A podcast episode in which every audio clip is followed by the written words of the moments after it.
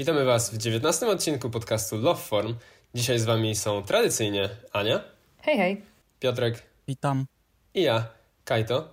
Natomiast nietradycyjnie mamy zupełnie odmienny temat dzisiaj do dyskusji, ponieważ będziemy rozmawiać o kolonizacji Marsa. Także zachęcamy do tej jakże amatorsko zainteresowanej dyskusji o temacie, na którym, na którym się jakoś szczególnie nie znamy, ale bardzo chętnie się wypowiemy. Tak, myślę, że właśnie a propos tego niecodziennego tematu, chciałem na wstępie zaznaczyć, że tak samo jak mówi się o jakimkolwiek temacie kryptowalut, że nie jesteśmy specjalistami i nie doradzamy pod kątem inwestowania. Tak, tak, samo tutaj wydaje mi się, że warto zaznaczyć, że nie jesteśmy specjalistami w tej dziedzinie nauki, a przynajmniej ja się za takiego nie uważam, bo wiem, że wszystko, co tutaj mówimy, jest 30 razy bardziej skomplikowane niż mi się wydaje. Także ten odcinek opiera się trochę na gdybaniu, ciekawostkach i naszych przemyśleniach, ale z drugiej strony to nagranie właśnie też było fajnym punktem zapalnym do tego, żeby kilka artykułów, czy filmów, czy podcastów sobie przejrzeć, czegokolwiek się dowiedzieć. Także dobre i to na początek. Tak jest, bo tak jak już niejednokrotnie mówiliśmy, ten podcast też chcemy robić po to, żeby się samemu rozwijać, więc to jest całkiem ciekawa okazja. A jeżeli kogoś z Was zainteresuje ten temat, to również zachęcamy do dalszych poszukiwań. Tak jest. A chciałem zacząć od głosów, które często się przewijają na temat nawet nie tyle samego Marsa, co ogólnie podróży kosmicznych i rozwoju tej branży, czyli wszelkiego rodzaju stwierdzenia, że nie ma sensu latać w kosmos, nie wiadomo po co na jakieś inne planety i badać pustynię, bo przecież jeszcze nie ogarnęliśmy i nie posprzątaliśmy Ziemi, a już chcemy zostawiać ten, ładnie mówiąc, nieporządek i uciekać gdzieś indziej. I w tej wojence jako obserwator, no bo tylko tyle mogę, stanąłbym oczywiście po stronie nauki z dwóch powodów. Przede wszystkim uważam, że to trochę tak jakby mówić, że nie ma sensu wymyślać i projektować telefonów na nowo, bo jedna, jedną trzecią ludzi na Ziemi dotyka problem wy, wykluczenia cyfrowego. Dlatego myślę, że kompromisem tej rozmowy mogą być po prostu dobre, kształcące na dobrym poziomie uniwersytety, szkolące inżynierów i z zakresu odwiertów, skanerów, tektoniki, ale i rakiet, satelitów, próżni, czy nawet szeroko rozumianej ekologii. Ludzi na świecie jest wystarczająco dużo, żeby zajmować się obiema tymi dziedzinami, a nie ma chyba sensu negować tej powiedzmy bardziej mainstreamowej, tylko faktem problemów na jakimś innym podłożu, bo cały rozwój by się zatrzymał, a ludzkość zajmowałaby się tylko doraźnym leczeniem, które nie mamy pewności, że przyniosłoby większe rezultaty niż obecnie, powiedzmy, połowiczne, bo wszyscy się zajmują trochę swoją strefą. Tym bardziej, że mam właśnie powód numer dwa, który pokazuje, dlaczego konkretnie właśnie podróże kosmiczne mają, miały i będą miały sens, bo faktem jest, że naukowcy z każdej dziedziny rozwoju są stawiani przed innymi przeciwnościami i problemami do rozwiązania. I idąc tym tropem, trafiłem na artykuł i listę niektórych wynalazków powstałych w wyniku właśnie rozwiązywania przeszkód, jakie stawiał przed ludzkością kosmos. Zatrzymam się dosłownie przy kilku, a resztę po prostu przeczytam, bo lista się, jak zobaczycie, zaraz broni. Wyliczając, mam nadzieję, że nikogo nie zanudzę, ale to naprawdę nie będzie trwało długo, a myślę, że jest to naprawdę ciekawe. Zaczynając po kolei sztuczne kończyny, systemy sztucznych mięśni, czujników dla robotów, powłoki diamentowe i pianka hartująca były pierwotnie projektowane do pojazdów kosmicznych.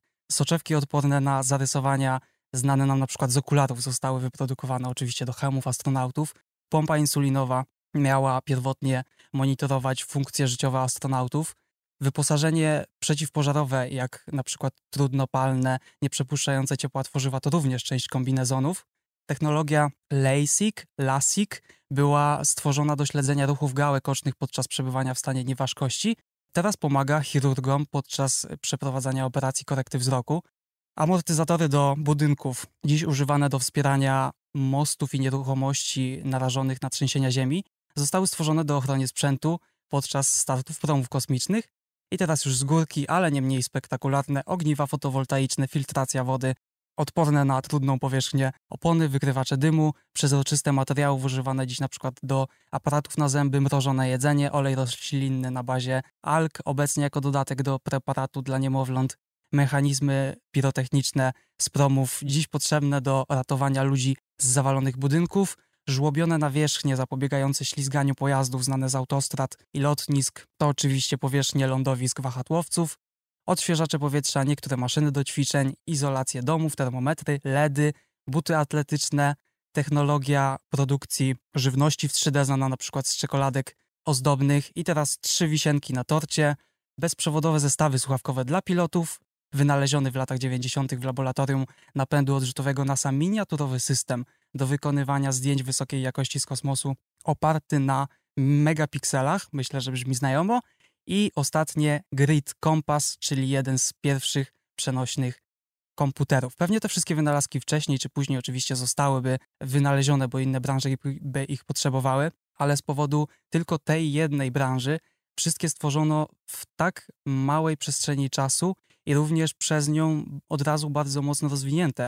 Także ta kwestia sensowności w cudzysłowie latania w kosmos jest dla mnie na przykład przez te wynalazki dość jasna i oczywista, bo praktycznie czymkolwiek się nie zajmujemy, to urządzenie czy technologia, którą używamy, prawdopodobnie gdzieś tam na którymś etapie były wspomagane albo wynalezione przy okazji tego podbijania, zgłębiania tajemnic kosmosu i niektóre te wynalazki nie powstałyby, gdybyśmy zajmowali się właśnie na przykład badaniem wnętrza Ziemi. I co ciekawe, bardzo podobna sytuacja jest na przykład w sporcie, o czym możemy kiedyś z Kaetanem zrobić odcinek, bo przy okazji tego dowiedziałem się, że Formuła 1 też dała nam bardzo wiele rozwiązań, z których korzystamy tak. za każdym razem przemieszczając się wszelkiego rodzaju komunikacją, więc można by zaryzykować stwierdzeniu, że to właśnie dzięki wielkim mainstreamowym branżom kasującym ogromne pieniądze poprzez też zainteresowanie ludzi, mogą rozwijać się inne, nawet ważniejsze od nich, jak w przypadku medycyny i chirurgii, formy działalności nie mające takich budżetów.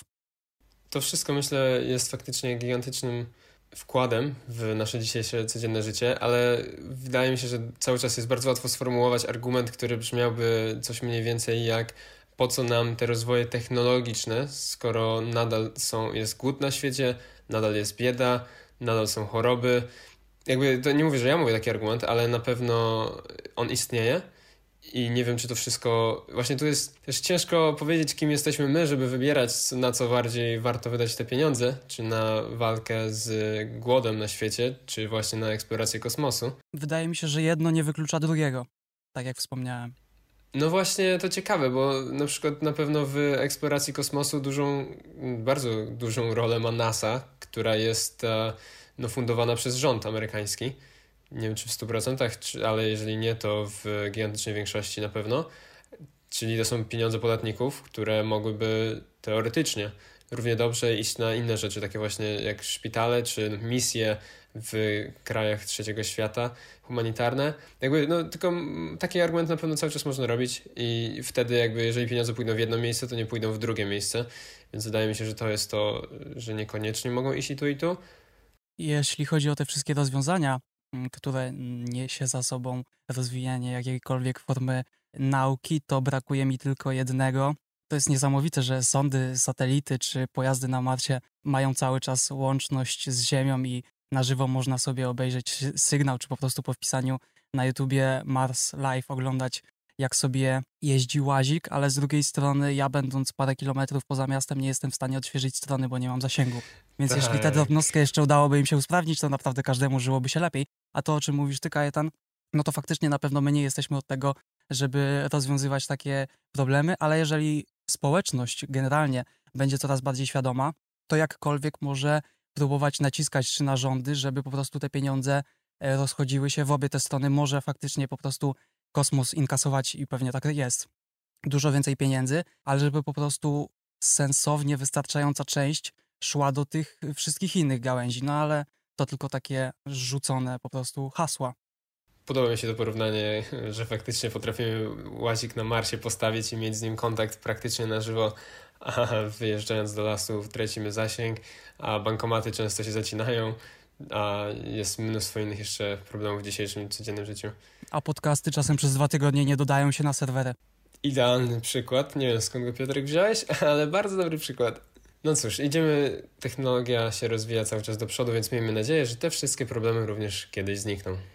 To jest w sumie dosyć logiczne, ale smartfony dzisiaj mają o wiele większą moc obliczeniową niż komputery, które były użyte do tego, żeby e, wylądować na Księżycu i... Człowiekiem nawet. Tak, z człowiekiem.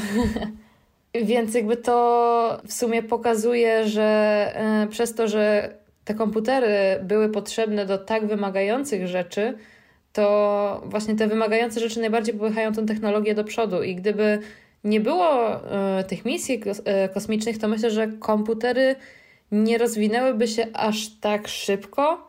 Tak jak Piotrek powiedział, że w pewnym momencie pewnie. I tak by powstały. I tak by powstały właśnie te rzeczy na, na jakieś inne potrzeby, ale przez to, że wymagania, żeby polecieć w kosmos i eksplorować kosmos są tak nie, niewyobrażalne tak na dobrą sprawę dla nas, to ta technologia musiała bardzo szybko e, dojrzeć i e, stać się naprawdę godna zaufania to się nam wydaje, że to takie proste, bo ludzie to robią, znaczy nie wiem, czy nam się wydaje, ale może nam się wydawać, że to jest takie proste wysłać człowieka na Marsa, czy e, na Księżyc, przepraszam, chciałem powiedzieć na Księżyc, do tego dopiero dojdziemy. Nie, ale na Księżyc, czy, czy na ISS tak naprawdę w tym momencie już jest to niemalże na porządku dziennym wysyłanie tam ludzi, a jednak Właśnie ostatnio miałem okazję gdzieś tam zobaczyć e, na YouTubie, jak ktoś grał w Kerbal Space Program, grę, gdzie się strzela, no, robi się rakietę i wyrzucają w kosmos. Nie grałem nigdy, ale widziałem właśnie jak to wygląda i gdy ktoś próbował trafić na jakąkolwiek planetę, to nastawiał kurs, zaczynał lecieć, a potem nagle się okazuje, że planeta się przesuwa i że jakieś inne po drodze są planety, w którymi może się zderzyć i jeszcze kilka innych jakieś jest, że paliwo się kończy i nagle tyle, te wszystkie problemy się nawarstwiają i to się okazuje, że to naprawdę nie jest takie proste, żeby to wszystko tak dobrze przygotować, żeby zagrało jak w zegarku, szczególnie, że ma się niespecjalnie jakąś duży, jakiś duży margines błędu przy takich rzeczach, a tak samo jak była lądowanie właśnie, to chyba jakiś czas temu, jak SpaceX Dokowanie na ISS. do ISS, mhm, też była tak, gra. Dokładnie, dokowanie do ISS była gra, żeby samemu spróbować zadokować i to nie było proste. I to jest tylko jeden z malusieńkich elementów. Mi się udało za drugim podejściem i dosłownie y, zajęło mi to pół godziny i ręce mi się naprawdę tak trzęsły, bo to były tak mikroskopijne ruchy, żeby dobrze to wycelować, że to po prostu no, dla mnie to jest bardzo y, ciężkie do wyobrażenia, jak y, w kosmosie każdy ruch ma znaczenie. Bo w momencie, w którym nie ma grawitacji, tak na dobrą sprawę nadasz sobie jakąkolwiek prędkość w jakimkolwiek kierunku, to będziesz się z tą prędkością poruszać po prostu. Więc cokolwiek, co nie wpadnie w jakiekolwiek pole grawitacyjne, po prostu będzie sobie pędzić przez ten kosmos, więc zrobienie wszystkiego właśnie tak jak Kajetan powiedział, tak, żeby to wszystko zagrało jak w zegarku, to są naprawdę niesamowite ilości obliczeń. E, wszystko musi być idealnie wycelowane, w dobrym czasie wystartowana e, rakieta i tak dalej, więc to e, wszystko ma ogromne znaczenie. I no, nam to jest ciężko jakby sobie tutaj wyobrazić siedząc na ziemi, bo no, mamy tą grawitację, chodzimy sobie z miejsca w miejsce i się nie przejmujemy tym specjalnie, nawet o tym nie myślimy. Ale w kosmosie każdy najmniejszy ruch w jakimkolwiek kierunku ma tak na dobrą sprawę gigantyczne znaczenie, bo e, jak są jakieś odłamki na przykład e, w kosmosie, które powstały w wyniku tego, że zderzyły się jakieś tam kosmiczne śmieci, których swoją drogą w atmosferze ziemskiej jest ogromna ilość, to taki odłamek może tak na dobrą sprawę zrobić dziurę w stacji kosmicznej jeżeli odpowiednio trafi, więc to jest e, coś, co dla nas, co, co by e, kawałek e, metalu o wielkości, nie wiem, 1 na 1 centymetr mógł zrobić. No, jak ktoś go sobie rzuci, no to co, no se spadnie gdzieś, nie? A w kosmosie taki kawałek metalu może tak na dobrą sprawę doprowadzić do zaprzepaszczenia wielu, wielu lat pracy naprawdę ogromnej ilości ludzi, jeżeli e, w nieodpowiednim momencie, w nieodpowiednim miejscu się znajdzie. Tak, zahaczyłaś właśnie o dwie sprawy, które też mam na mojej liście. Pierwsza to jest a propos lecenia sobie w kosmos, w przestrzeń, teoretycznie bez kontroli. Bardzo lubię to zdjęcie, czy bardziej grafikę Księżyca i Ziemi w jednym kadrze. Nie wiem, czy kojarzycie, bo ze wszystkich obiektów w kosmosie to właśnie Słońce i Księżyc do nich jesteśmy najbardziej przyzwyczajeni i możemy sobie jakoś próbować wyobrazić proporcje y, Ziemi w stosunku do nich. I na tym zdjęciu właśnie fajnie widać, jaka została pokonana gigantyczna trasa, żeby polecieć na ten księżyc i przez 21 godzin być tak daleko od domu i później potrafić stamtąd y, wrócić. To daje taką fajną perspektywę. I jeszcze a propos zdjęć w kosmosie, jeśli ktoś nie widział, to jest y, zdjęcie wykonane przez Voyagera, Voyager One. Chodzi o zdjęcie Ziemi wykonane w 1990 roku z odległości 5 albo 6, bo tutaj różnie media podają miliardów kilometrów. Na zdjęciu widać białą kropeczkę, którą jest y, Ziemia. Tym bardziej warto się zainteresować, tak samo jak tym zdjęciem, tak po prostu historią Voyagera One, dlatego że za 4 lata przestanie on wysyłać do Ziemi sygnał, dlatego że silniki korygujące ustawienie powoli już odmawiają posłuszeństwa i tak skończyła się już dawno temu przewidziana historia misji tego urządzonka i teraz w tej chwili sobie po prostu odlatuje przestrzeń i właśnie w okolicy 2025 roku prawdopodobnie oddali się na taką odległość i również silniki przestaną wspomagać pozycję i stracimy z nim łączność, więc już nigdy nie dowiemy się, gdzie i czy ktoś odtworzy ten słynny Golden Record. A jeżeli chodzi o drugą rzecz, którą właśnie poruszyłaś, to jedyne, co bym zmienił w rozwoju i ewentualnym zagospodarowaniu przestrzeni kosmicznej i oczywiście ponownie nie mam tutaj specjalnie żadnego na to rozwiązania, ale po prostu tak jak w przypadku podziału pieniędzy warto, żeby po prostu ludzie byli świadomi niektórych decyzji, to właśnie zająłbym się tymi rozsianymi wokół naszej Ziemi śmieciami. Polecam bardzo stronę Stuff in Space. Tam można praktycznie zobaczyć każdy z elementów typu stare satelity, kawałki kadłubów i tak dalej. Z tego, co podpadało gdzieś tam na, na przestrzeni ostatnich lat, stworzyła się z tego cała aureola wokół Ziemi. Są powołane już oczywiście komisje regulujące liczbę wysyłania kolejnych obiektów w kosmos, bo to było nie do końca sprecyzowane i każdy sobie mógł wysyłać co chciał, to się ma zmienić na szczęście, ale już na tym etapie, mówiąc wprost, zrobił się syf, więc poza badaniem kosmosu społeczeństwo powinno się wręcz domagać, żeby przy okazji zwiedzania go i budowania sobie tam baz y, nie robić z tego śmietnika. Wiem, że mamy wystarczająco dużo problemów z odpadami y, na gruncie, że tak powiem, ale warto obserwować i zadbać, co się dzieje na górze, bo żeby się nie okazało, że kiedyś idąc na spacer będziemy się zastanawiać, czy to tak ładnie świeci konstelacja gwiazd, czy to jakiś stary satelita odbija światło słoneczne, które z kolei odbija oczywiście księżyc, bo trochę przyznajecie, przyznajecie, że zabrałoby to romantyzmu, więc badajmy sobie, co tam chcemy i ile tylko nam się podoba, natomiast próbujmy, nie wiem do kogo kieruję te słowa, ale po prostu jest to coś, co zwróciło moją uwagę podczas przygotowania się. Po prostu dbajmy też o to, co po tych naszych badaniach zostawiamy. Także jeszcze raz każdemu polecam stronę Stuff in Space. Z tym jest właśnie problem, że ludzie na co dzień tego nie widzą, bo tak jak na ulicy widzi się te śmieci leżące, czy często jakieś zdjęcia z krajów, gdzie te śmieci są wywożone, to obiegają świat, a to, co jest w kosmosie, jest jakoś chyba na tyle odległe, że no nie jest obecne w codziennym życiu ludzi i przez to myślę dostaje dużo mniej atencji, a tak jak mówisz, jest to bardzo tej atencji wymagające. Moim zdaniem generalnie to jest tak, że ludzie mają problem z patrzeniem na problemy długodystansowo. E, czyli jak teraz mamy problem ze śmieciami, to nie jest tak, że jutro nie będziemy mieć gdzie mieszkać. Gdzieś ten problem jest spychany na drugi plan.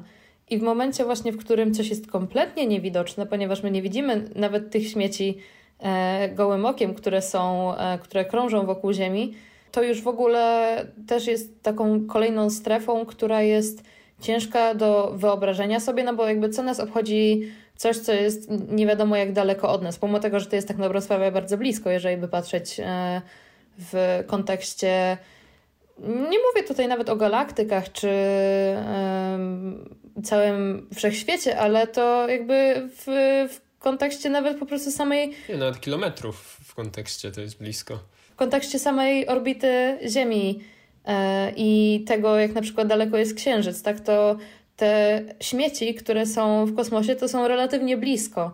No ale właśnie tak jak już powiedziałam, mamy problem dosyć duży z tym, żeby patrzeć gdzieś tam dalej w przyszłość i widzieć te problemy i im zapobiegać, bo y, może się okazać właśnie w pewnym momencie, że y, z kosmosu albo no, z kosmosu, z tego dosyć bliskiego w sumie e, kosmosu przy Ziemi, e, zrobiliśmy już w sumie taki sam śmietnik, jaki mamy na Ziemi.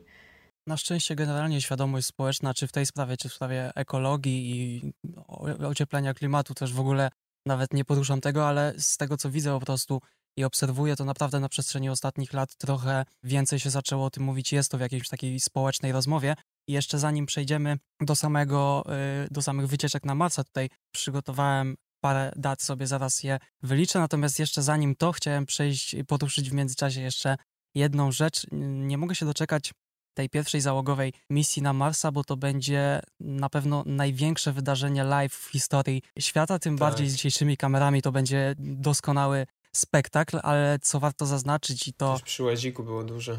Tak, dokładnie. I co warto zaznaczyć, to jest bardzo duży plus z jednej strony, a z drugiej może być w zasadzie całkowicie pomijany i niezauważony, ale jakoś mi to przyszło gdzieś w ostatnich dniach do głowy. Zawsze takie wydarzenia w stylu skoku Felixa, Baumgartnera pewnie kojarzą wszyscy, albo większość, czy wysyłania właśnie to, co się niedawno działo przez SpaceX ludzi na Międzynarodową Stację Kosmiczną. Zawsze kojarzy mi się to przede wszystkim z tym, że praktycznie każdy, kogo znam, czy każdy, kto ma okazję po prostu to zobaczyć, wiem, że siedzi i bardzo chętnie sobie zerka, co tam się dzieje, bo to jest takie coś, co mimo wszystko łączy i dotyczy w sumie też każdego, albo nawet jeśli nie dotyczy, to ciekawi, bo jesteśmy częścią tego punktu A, z którego to wszystko startuje. I ani żadne wydarzenia sportowe, największe, ani religijne, nie zbierają tak dużej części ludzi z całego świata, z różnych środowisk, wierzeń i tak dalej, więc widzę tutaj element takiego po prostu łączenia społeczeństwa, żeby no po prostu generalnie ludzi na świecie nie łączyły na przykład tylko wirusy, tylko właśnie takie fajne wydarzenia. No właśnie to jest ta jedna z rzadkich niestety w dzisiejszych czasach chyba sytuacji, gdzie ludzkość, tak jak mówisz, się trochę zrzesza, czy utożsamia się razem ze sobą, bo to nie jest tak, że to jest kraj przeciwko krajowi, tylko to jest nasz cały gatunek ludzki, wychodzący gdzieś poza naszą ludzkość, czyli de facto jakby wszyscy gramy w tym samym zespole w tym momencie i wszyscy chcemy, żeby to się powiodło, pomijając pewnie takie szczegóły jak e, jakieś wyścigi USA versus e, Rosja versus Chiny, no tak, tak. bo to też ma miejsce, stety, niestety, ale na pewno jest to bardzo łączący moment, tak jak był ten łazik, to jeszcze bardziej będą pierwsi ludzie, to, to w ogóle bez dwóch zdań. I szukając konkretnych danych o przewidywaniach właśnie e, na misję wycieczek na Marsa, trafiłem na dane u źródła, czyli stronę SpaceX i zanim o samych planach, to urzekł mnie w ogóle sam podtytuł strony e, Mars and Beyond, brzmiący The Road to Making Humanity Multiplanetary. I to chyba jedno z najbardziej ekstrawaganckich zdań, jakie jakakolwiek firma może sobie wpisać hmm. na stronie, a tym większe robi to wrażenie, że jest w 100% prawdziwe. Tak. Także harmonogram na dziś wygląda mniej więcej tak, że oczywiście to są bardzo, to warto też zaznaczyć, to są bardzo orientacyjne dane i to są bardziej okna czasowe niż data, nawet jeśli na stronie gdzieś jest podany miesiąc, to no wszystko się może zmienić, tam cały czas trwają testy i tak dalej, i tak dalej. Podam to, co po prostu jest orientacyjnie, zaczynając od dolnych granic, oczywiście może być później, ale na pewno nie będzie wcześniej. Także jeśli chodzi o 2022 rok, czyli potencjalnie chwila, moment, odbędzie się misja wysłania sprzętu i zaopatrzenia, czyli wszelkiego rodzaju budynków i mrożonego chyba chociaż nie, jedzenia to nie wiem, ale na pewno budynki i jakieś plantacje mają zostać wysłane. Taka podróż trwa rok i w tym właśnie samym roku, czyli 23, może wystartować pierwszy załogowy komercyjny lot dookoła Księżyca, co też jest ciekawe, bo przetarg wygrał japoński miliarder, wykupując wszystkie dostępne miejsca. Tam było ich chyba 6 albo 8, coś w tych granicach mi się kojarzy i planują zabrać na tę sześciodniową wycieczkę kilku artystów, którzy stworzą na ten temat potem dzieła. Na razie jeszcze bez szczegółów, kto sobie na to zasłużył u tego pana. Następnie, jeżeli wszystko będzie szło zgodnie z planem, to w 2024 ruszy pierwsza załogowa misja w stronę Marsa. Ponownie lot około roku będzie trwał i potencjalnie wylądują, jeżeli wystartują właśnie w czwartym, to w 2025 miliardy ludzi będą obserwowały pierwszy krok człowieka na Marsie. Przy czym myślę, że takim ładnym symbolem byłoby, gdyby pierwsza z tej maszyny wysiadła kobieta o imieniu Ewa, a zaraz za nią Adam. Co myślicie? O kurde, to muszą zmienić chyba. No, to by było dobre. To by było To było bardzo symboliczne, trzeba przyznać.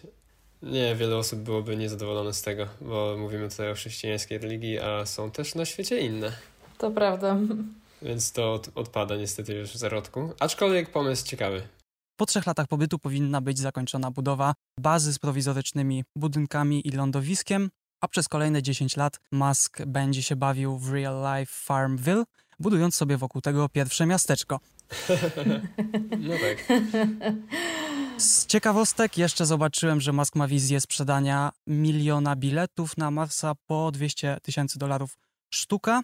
Także jestem ciekawy, od kiedy to się zacznie jak to będzie organizowane, w jakich transzach, ale to jest wszystko jeszcze przyszłość, mimo że nie aż taka daleka, ale jednak. I ostatni plan, jaki jest przewidziany w ogóle na Marsa gdziekolwiek, i to będzie rok, którego niestety ani Elon, ani my już raczej nie zweryfikujemy, dlatego że mowa o 2100 roku Mars ma zacząć się zbliżać klimatycznie do Ziemi. A przez co? Dzięki czemu? No właśnie myślę, że to musimy przedyskutować, bo to już chciałam tak zacząć przechodzić powoli do tego tematu, dlaczego to nie jest tak oczywiste, żeby mieszkać na Marsie, jakie są problemy z tym związane, bo no Mars Marsem jakby planet, spoko, planeta w Układzie e, Słonecznym, tylko że jest sporo problemów związanych z tym, że ludzie są przystosowani do życia na Ziemi, a nie na Marsie.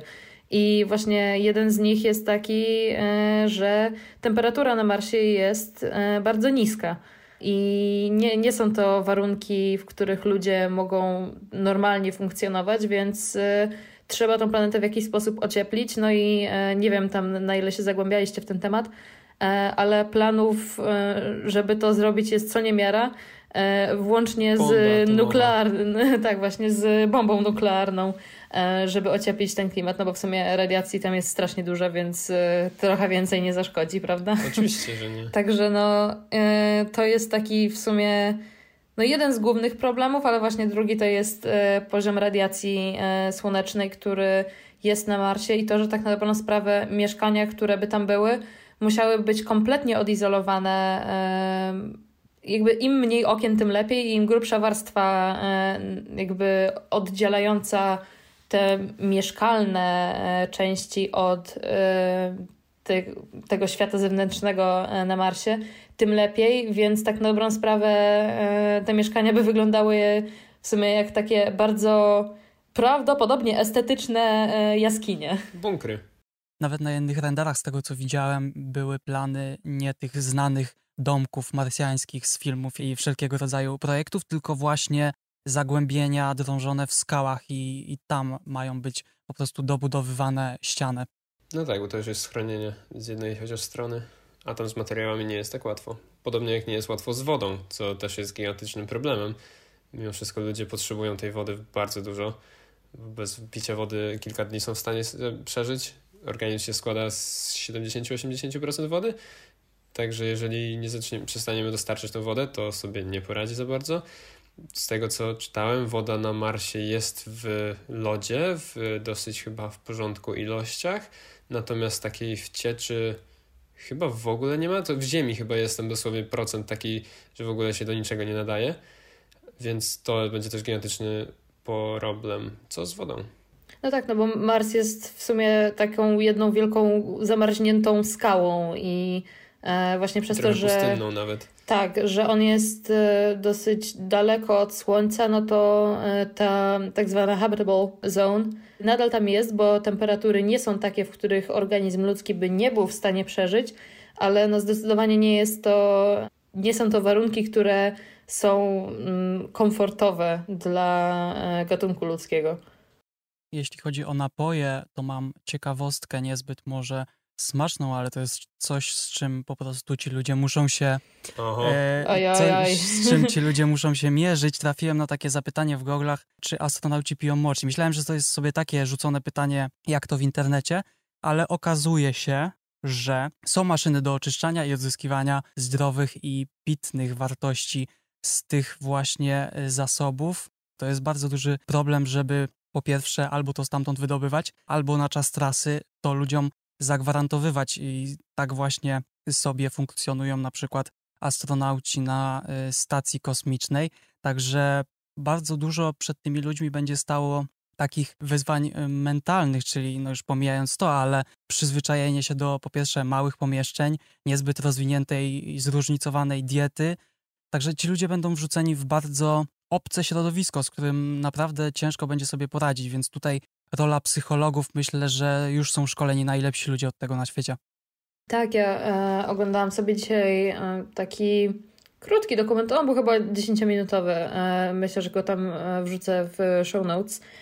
w tym momencie ludzie są szkoleni do tego właśnie, żeby na tym Marsie się znaleźć. No i oni tam e, sobie mieszkają i żyją e, w swojej ekipie, załodze.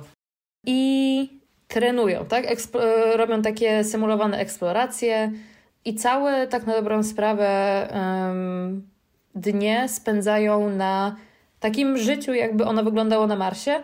I pomimo tego, że ich mieszkanko wygląda jak półprzezroczyste iglo, co nie jest bardzo um, accurate, to bardzo wiele takich aspektów życia, które um, oni pokazują, jest tutaj y, obrazem tego, jak ciężkie i inne y, będzie życie na Marsie, ponieważ właśnie tak, dostęp do jedzenia będzie bardzo ograniczony, bo tak jak y, woda potrzebna jest do picia, to jest też potrzebna do utrzymywania roślin, które później zostaną skonsumowane.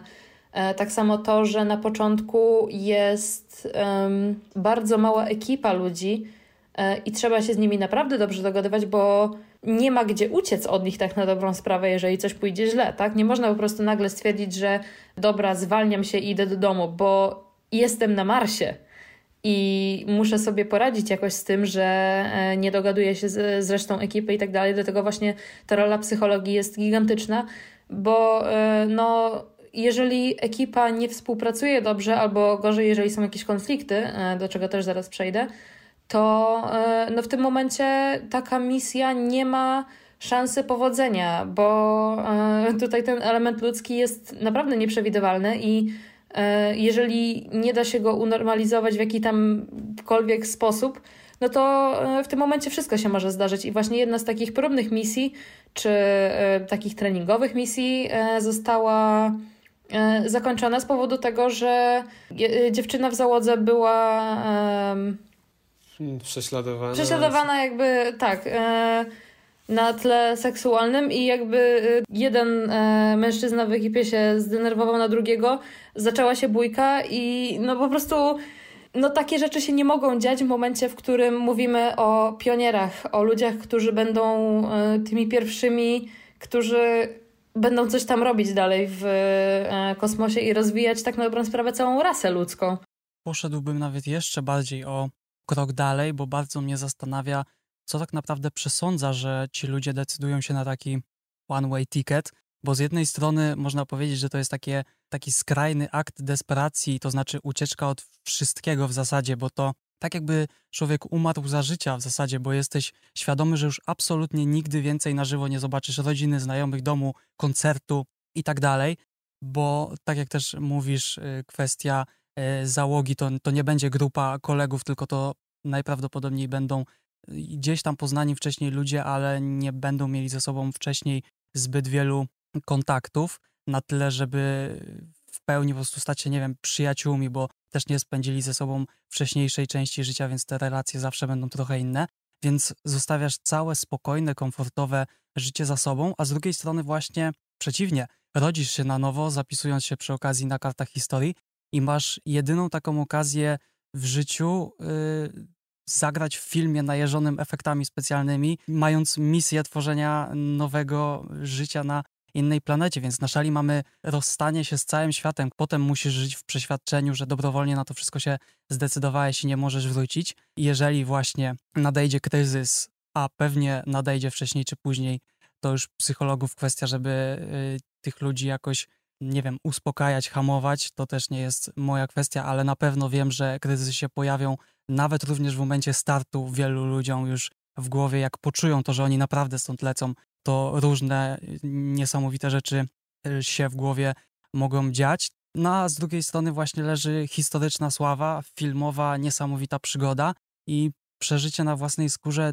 czegoś, co jeszcze kilkanaście lat temu wydawało się nierealne, także bardzo mnie będą interesowały historie i rozmowy z tymi ludźmi.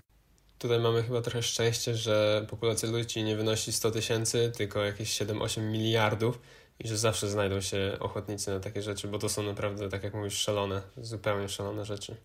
Jestem ciekawy z drugiej strony pierwszego pokolenia dzieci urodzonych na Marsie i reakcji takiego w miarę ogarniającego świat dookoła, świat, planetkę dookoła dziecka, powiedzmy w wieku 10 lat, gdy dowie się, że tak naprawdę to nie jest ich garstka na świecie, tylko tam kawałek dalej, bo przecież tak jak z Ziemi czasem widać Marsa, tak samo z Marsa Ziemię. Rodzic pokaże tę małą, białą kropkę i powie, że tam mieszka sobie 8 miliardów osób. Więc e, pełno jest takich małych, ciekawych spraw, że dzieci będą słuchały właśnie opowiadań na dobranoc o ludziach, którzy mogą wyjść z domu i pograć w piłkę. Więc to może być bardzo interesujące. E, no chyba, że te dzieci po prostu same się dowiedzą o tym, że, że jest inna planeta, na przykład grając z nimi przez internet w Fortnite'a. E, nadal nie liczę jeszcze, aż tak dobre opóźnienie nie jest niestety. E, I nie będzie lepsze, Nigdy. bo no, prędkość światła, światła nas ogranicza, tak. więc no... Tak. Trzy minuty są minimum chyba. Nie, do Marsa jest od 6, od 6 do 40, w zależności od tego, jak daleko Mars jest od e, Ziemi. Ziemi. No to ja znalazłem od 3 do 22 znalazłem. A. I no, ciekawe.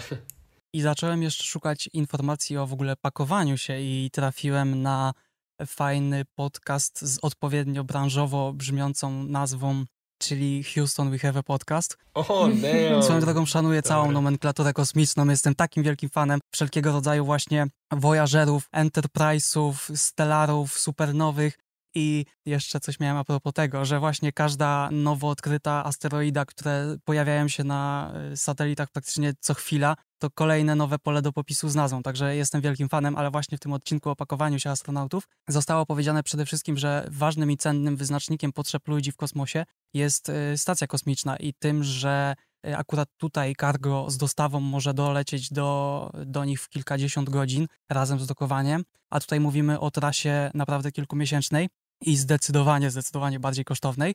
I większym wyzwaniem, największym wyzwaniem oczywiście będzie odpowiednia ilość pożywienia, ubrań, sprzętu i wszystkiego, co tak podstawowo ludziom jest potrzebne do życia. Ale poszedłem jeszcze o krok dalej poszukałem sobie sam, jakie rzeczy prywatnie można ze sobą wziąć. Informacji od SpaceX nie znalazłem żadnych, ale NASA na misji Apollo pozwalali na tak zwany Personal Preference Kit o wymiarach 13 na 20 na 5 do 682 gramów i limicie 20 pojedynczych rzeczy. I jak podają, najczęściej to były zdjęcia rodziny, flagi, ulubiona książka, czapka, koszulka i wszelkiego rodzaju małe pamiątki. I oczywiście lecąc y, w jedną stronę na pewno nie będzie to tylko taki mały zestawik. Gdzieś obiła mi się o oczy informacja o pudełku jednego metra kwadratowego na osobę, ale nie była to żadna sprawdzona, więc nie daje zapewnik, ale w sumie brzmi całkiem realnie.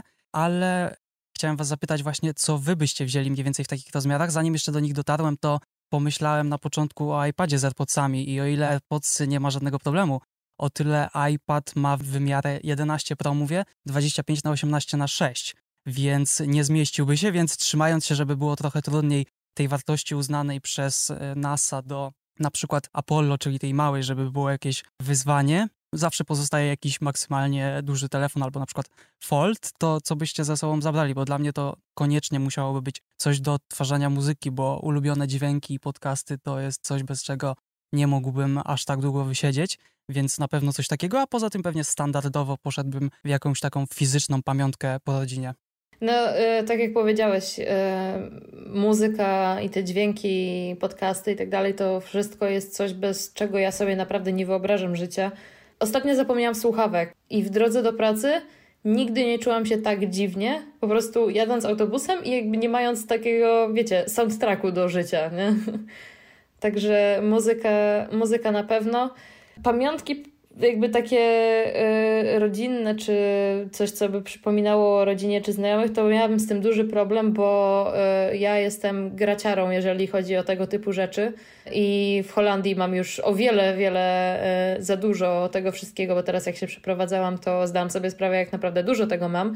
To jest jedna rzecz, a druga rzecz, wiem, ile tego jeszcze mam w domu, więc wybranie jednej takiej rzeczy, no, byłoby dosyć ciężkie, nie ukrywam. Wydaje mi się, że pomijając właśnie te rzeczy z muzyką czy jakieś pamiątki, ciekawym do zabrania byłoby dwie rzeczy mi przyszły do głowy, a obie w sumie nawiązujące do poprzednich podcastów, jakie mieliśmy i do tego, co już było mówione. Notatnik. Na pewno tak, jedną rzeczą byłby notatnik na pewno, dlatego że wydaje mi się, to jakiś duży notatnik, jakiś dużo piszący długopis do tego, i właśnie, żeby móc zapisywać. Zresztą to, no kurczę, każde tego typu filmy science fiction, czy nawet nie tylko takie po prostu bardziej przygodowe, bardzo często jest motyw notatnika, gdzie tak, są daty, 26. notatnik z podróży. Tak jest. I właśnie taki dziennik z podróży niemalże. To po prostu byłoby, szczególnie na pierwszej misji na Marsa, na pewno pamiątka, no nie dla samego siebie najpewniej, a przynajmniej nie aż tak dobra pamiątka dla samego siebie, jak dla osób pozostałych, które by kiedyś to czytały, szczególnie gdyby udało się to zachować jakoś lepiej, to, to by było wielka wartość, myślę, i już dobry przedmiot do filmów na podstawie tej podróży, żeby wykorzystać. A drugą rzeczą to właśnie, no, o, segway z filmu, to by była jakaś kamera, Mm, myślałem o GoPro na przykład, bo dosłownie, żeby to było malutkie, żeby nie zajmowało dużo miejsca. GoPro włożyć tam jakąś gigantyczną kartę, albo w ogóle w sumie zmieszczy się też kilka kart pamięci, żeby po prostu nagrywać te momenty na żywo. Wiadomo, że oni tam mają aparaty, jak lecieli nam, Księżyc mieli aparaty, a to była zupełnie inna technologia też. Myślę, że Netflix bardzo się będzie mocno kręcił koło tego wydarzenia. A to ciekawe, czy dadzą radę to już osobna zupełnie sprawa, ale faktycznie ciekawe, jak to będzie udokumentowane od środka. No jeżeli któraś firma ma dać pieniądze, żeby tylko ona miała dostęp do kamer z środka, to to jest właśnie Netflix. No, ale Amazon też może wywalić mnóstwo pieniędzy, Apple może wywalić mnóstwo pieniędzy. Wydaje mi się, że parę firm A, się w znalazło. sumie, no wszyscy mają swoje platformy, fakt. Tak, tak. Teraz już wszyscy Disney może nawet wywalić, jakby chciał. No. no, Disney to pół świata ma w garści, więc myślę, że tutaj mogliby na spokojnie załatwić sobie wyłączność. No to będzie ładny przetarg. Będzie przetarg. To będzie cena zapierająca oddech w piersiach zdecydowanie. Ale z innych ciekawostek mam jeszcze jedną rzecz. Na Marsie jest wulkan Olympus Mons i to największa góra w Układzie Słonecznym, trzy razy wyższa od Monteverestu, jest 27 km, a sam stożek pokryłby Francję i patrząc na zdjęcia jest tak duży, że praktycznie wystaje z tej planety, więc warto rzucić okiem. I jeszcze jedna drobna rzecz. Na Marsie Dzień trwa prawie tyle co na Ziemi, tak. bo 24 godziny i 37 minut, ale za to rok trwa z wiadomych przyczyn 687 dni. I to jest pewien problem. Więc ciekawy jestem, jak zostanie rozwiązana sprawa kalendarza dla nowego pokolenia ludzi. Oglądałem kiedyś bardzo ciekawy film o tym, jest chyba uh, Wendover to chyba Kurt Real Life Lore. Nie, nie Kurt A tak, tak, tak, Real Life Lore to był. Ostatnio oglądałam właśnie ten odcinek. Jakieś rozwiązania? Z tego co pamiętam, to tam było e, albo zrównywanie co jakiś czas, albo po prostu e, stworzenie nowego kalendarza tylko i wyłącznie dla e, Marsa i mierzenia czasu dla Marsa, aczkolwiek to mierzenie czasu nie jest aż takie trudne. No właśnie przez to, że ten dzień jest podobnej długości. Tam się pojawiały nawet głosy, żeby te 37 minut, czy ile tam jest więcej, po prostu odczekać, że jakby o tej godzinie e, powiedzmy północ e, zatrzymać zegar na 37 minut i wtedy e, ruszyć dalej, czy coś takiego. No co jest jakimś rozwiązaniem, nie jest idealne.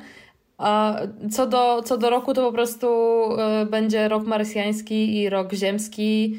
Tak. Nie wiem, czy da się jak, nie, nie wiem, czy da się to jakoś obejść, szczerze mówiąc, no bo bazujemy tutaj na systemie, który został stworzony tysiące lat temu. W sensie mówimy tutaj o podziale na e, miesiące. A e, rok jest bazowany na tym, jak długo trwa obieg danej planety wokół Słońca. Więc e, usystematyzowanie tego będzie w sumie dosyć ciężkie. Bo w tym momencie jest który, który rok e, marsjański? 50 któryś? No właśnie, bo oni to zaczęli mierzyć już jakiś czas temu. A z tym chyba był jakiś też mini fail, że to nie był, coś tam, ja nie pamiętam dokładnie, nie chcę za dużo mówić, ale coś mi się kojarzy, że zaczęli mierzyć i potem sobie zdali sprawę, że czy źle mierzą, czy od jakoś inaczej, coś nie pasowało im potem, ale mogę się mylić. Nie słyszałam o tym, ale w sumie nie jest chyba aż tak ciężko wrócić, w sensie wystarczy tylko wrócić do momentu, w którym się zaczęło mierzyć i policzyć od nowa. I tyle, więc... A co, to tak jak jeżeli my liczymy 2021 rok od narodzin Chrystusa historycznie, powiedzmy religijnie czy jakkolwiek, to czy na Marsie powinniśmy mierzyć w tym momencie od pierwszego wylądowania właśnie człowieka, czy no tak w sumie dużo, dużo wcześniej, bo te łaziki mamy przecież, chyba że zrobimy na przykład pierwszy rok ery ludzkości, tak jak mamy Anno Domini. Mm, to by brzmiało godnie. Tak, mamy roku pańskiego, to może będzie roku też pańskiego w sumie, człowieczego, roku człowieczego i po prostu łaziki były przed rokiem człowieczym. No jest to sytuacja, którą na pewno niedługo trzeba będzie rozwiązać, także będziemy obserwować. A jeszcze jest jedna rzecz, nad którą się zastanawiam, a dokładnie kiedy Elon Musk kupi firmę Mars Bar produkującą znany batonik, bo wydaje mi się, że choćby dla samego dokumentu własności i posiadania i y, napisania tweeta warto, tym bardziej, że gdyby dodał tam jakieś logo SpaceX i zrobił kampanię, żeby przy oglądaniu startu sobie takiego zajadać, to ludzie by się o nie bili jako lody ekipy, tylko że nie w polskich żabkach, tylko na całym świecie. No, to by było, to by było wydarzenie. Szybko spróbowałem znaleźć informację. Ale jaką? No właśnie o tym Marsie batoniku. Czy to jest część Nestle? Na stówę jest. Nestle ma w zasadzie w garści wszystkie mm, takie jedzeniowe rzeczy, więc... Także może być ciężko. Jeszcze poszukując ciekawostek gdzieś tam po internecie, wśród teorii spiskowych również, trafiłem na jedną, która zaintrygowała mnie swoją nazwą, mimo że definicja też jest ciekawa. Teoria ciemnego lasu, która mówi, że cywilizacja, którą być może znajdziemy, może być na tyle rozwinięta, że będzie traktować jak nas jak mrówki, więc może nie warto się wychylać. Podobny artykuł do tego zacytował w jednym filmie wspomniany już kiedyś przez nas Kacper Pitala i jego teraz również zacytuję. Celowa komunikacja z innymi cywilizacjami w naszej galaktyce budzi obawy wszystkich ludzi na Ziemi, zarówno jeśli chodzi o treść wiadomości, jak i konsekwencje tego kontaktu. Globalna dyskusja naukowa, polityczna i humanitarna musi mieć miejsce, zanim dana wiadomość zostanie wysłana. Jako młody, rozwijający się technologicznie gatunek, rozsądniej byłoby słuchać, niż zaczynać krzyczeć. Taka nutka niepewności na koniec ode mnie, ale niemniej nie traktowałbym naszego gatunku aż tak surowo, bo jednak mimo wszystko jesteśmy o krok od zbudowania bazy na innej planecie, więc myślę, że idzie nam całkiem nieźle. Tak, właśnie tutaj troszeczkę wracamy do e, tego, jak ta cała dyskusja się zaczęła, że e, nie posprzątaliśmy jeszcze Ziemi, a już się wybieramy na inne planety. E, ja na to trochę patrzę tak, jak można patrzeć na plemiona koczownicze, że one na swoim stadium rozwoju wypleniały powiedzmy tą ziemię, na której się osiedlały tymczasowo i przenosiły się gdzieś dalej. I e, my, powiedzmy, jesteśmy właśnie takim plemieniem koczowniczym na skalę e, międzyplanetarną, że e, jeszcze się nie nauczyliśmy, w jaki sposób dbać wystarczająco o te zasoby, które mamy i planetę, którą mamy. I jesteśmy już na tym momencie, gdzie musimy znaleźć sobie środek transportu gdzieś indziej. Wiadomo, że w przypadku plemion koczowniczych to są po prostu nogi i poruszanie się gdzieś dalej, e, ale e, nie umiemy jeszcze e, do końca właśnie dbać o to miejsce, na którym się znajdujemy, w którym się znajdujemy obecnie, czyli Ziemia. I właśnie no, myślę, że te wielkie góry śmieci i wykorzystywanie absolutnie wszystkich zasobów, które mamy E, na Ziemi, no to pokazują. I ten krok na Marsa jest tak na dobrą sprawę też takim krokiem e, co do tego, e, co do tej takiej świadomości, że jednak trzeba mocniej dbać o to miejsce, w którym się znajdujemy i może jakby skoro już wkładamy tyle wysiłku, żeby znaleźć się w jakimś innym miejscu, trzeba w jakiś sposób o to miejsce zadbać, zaopiekować się nim, żeby wystarczyło na dłużej i e, żeby dało się go używać e, tak jakby ponownie, bo tak jak e, kiedyś był ten system wynaleziony, żeby dzielić pola na kawałki i używać jednego pola w jednym roku, a drugiego pola w drugim roku, żeby one się... Trójpolówka. Tak, trójpolówka właśnie. Żeby właśnie ta ziemia mogła się odnowić, zregenerować, to e, myślę, że coś podobnego, tylko że na większą skalę, będzie w przyszłości e, właśnie się działo w kosmosie i na innych planetach. Ciekawe. No na pewno trzeba posprzątać to, gdzie żyjemy i na bieżąco czyścić to, gdzie ewentualnie będziemy chcieli żyć, ale również czeka na utylizację wszystko, co jest pomiędzy tym, bo śmieci wokół Ziemi, tak jak mówiliśmy, również czekają na swój kosz. Ode mnie jeszcze tylko dwie, trzy, no dwie zasadzie rzeczy, to przygotowując się do tego odcinka mam dwa polecenia. To jest Timelapse of the Future, A Journey to the End of the Time, filmik na YouTubie. O, świetne. To jest tak dobre. Audio tego filmu jest naprawdę genialne. Tak. I drugi film to jest Here Buzz Aldin Tells Story of the First Moon Landing. Po prostu opowiastka o tym, jak stawiali pierwsze kroki na Księżycu. Chyba, że ktoś nie wierzy, no to może oglądać jako kabaret. A i jeszcze jedna rzecz, to jest bardzo dużo fajnych miejsc na Ziemi, które są odpowiednikiem tego, jak Mars wygląda, na przykład pustynia Atacama w Chile czy Pilbara w Australii. Także polecam też sobie na przykład Google Maps, e, Google Earthem pochodzić. E, nie trzeba się wybierać zbyt daleko. A nie ma Google Mars? Jest, jest Google Moon też, ale generalnie no trafiłem na te kilka miejsc na Ziemi, które bardzo te, te widoki przypominają. Tam też były kręcone filmy, więc też warto wiedzieć, że są na Ziemi miejsca, w których można sobie namiot marsjański rozłożyć i przez tydzień się poczuć, jakby był sam na świecie. I są firmy, które to organizują. Oczywiście, wszystko można skomercjalizować. Myślę, że po tym, jak ludzie byli zamknięci w domach e, podczas e, pandemii, to nie będą chcieli się odizolowywać aż tak bardzo od innych ludzi. Każdy już swój Mars przeżył. Myślę, że bardzo dobrą taką rekomendacją byłoby e, obejrzenie całej serii, tak na dobrą sprawę, o kosmosie kanału Kurzgesagt, o którym też już wspominaliśmy ponieważ oni mają A. bardzo dobrze zresearchowane filmy, B. bardzo dobrze opowiedziane filmy i można się naprawdę dużo w taki ciekawy i mm, rozrywkowy sposób dowiedzieć. I proste jedno pytanie ode mnie na koniec. Czy gdybyście dostali w tej chwili bilet, zdecydowalibyście się? Albo znacie kogoś, kto by się zdecydował? Myślę, że nie znam nikogo. Ja sama też bym się nie zdecydowała, bo jestem jednak zbyt. Yy ja jestem egoistką, ja lubię moje życie. E, nie zostawiłabym go dlatego, żeby poświęcić się dla całej ludzkości. Nie, ja też nie. Natomiast e, co mogłoby być ciekawe, to może jakoś pod koniec życia, zamiast, gdyby to była taka technologia możliwa w ogóle, to zamiast e, umierać po prostu, to na chwilę jeszcze jak się żyje, dać się zamrozić i dać się wylecieć statkiem jak w Wolim, czy w jak milionie innych filmów i się obudzić na innej planecie, doświadczyć czegoś tego typu. Ty, Piotrek, byś taki bilet kupił, czy nie? Dostał? Ja taki bilet sobie wygenerowałem, bo w pewnym momencie gdzieś tam na stronie chyba no nasy czy coś można drogi. było podać imię i nazwisko, więc bilet mam, natomiast na pewno nie skorzystam. Dobra, git, git, git. To tak po całej tej dyskusji, po całym tym researchu włożonym w ten odcinek, tak nie mogłem się oprzeć jednemu wnioskowi w sumie, że patrząc na to, jakie warunki panują na Marsie i jak trudne jest tam się dostanie i tam życie po prostu.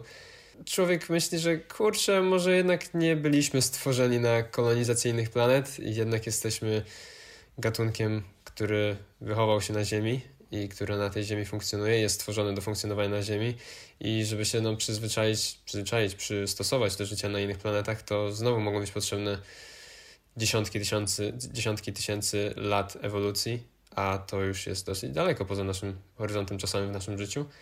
Więc tak z dzisiejszej perspektywy patrząc, pomimo tego, że eksploracja kosmosu jestem e, jak najbardziej dwoma rękoma się podpisuję po tym, że jest warta i to pod tym, że na Marsa polecieć też byłoby fajnie i warto, to kurczę, no chyba jesteśmy jednak gatunkiem ziemskim. Zobaczymy, jak to się zmieni w przyszłości. Tak jak mówiłeś, na szczęście 8 miliardów ludzi robi swoje i szaleńców i ludzi odważnych nie zabraknie, także na szczęście będziemy mogli to też obserwować po prostu na żywo z bezpieczeństwa naszej kanapy. Tak jak wy, drodzy słuchacze, mogliście słuchać dzisiejszego odcinka z bezpieczeństwa waszych domów, samochodów, autobusów, czegokolwiek tam używacie i gdziekolwiek jesteście. Mam nadzieję, że ciekawie było wam się wybrać na tą podróż razem z nami.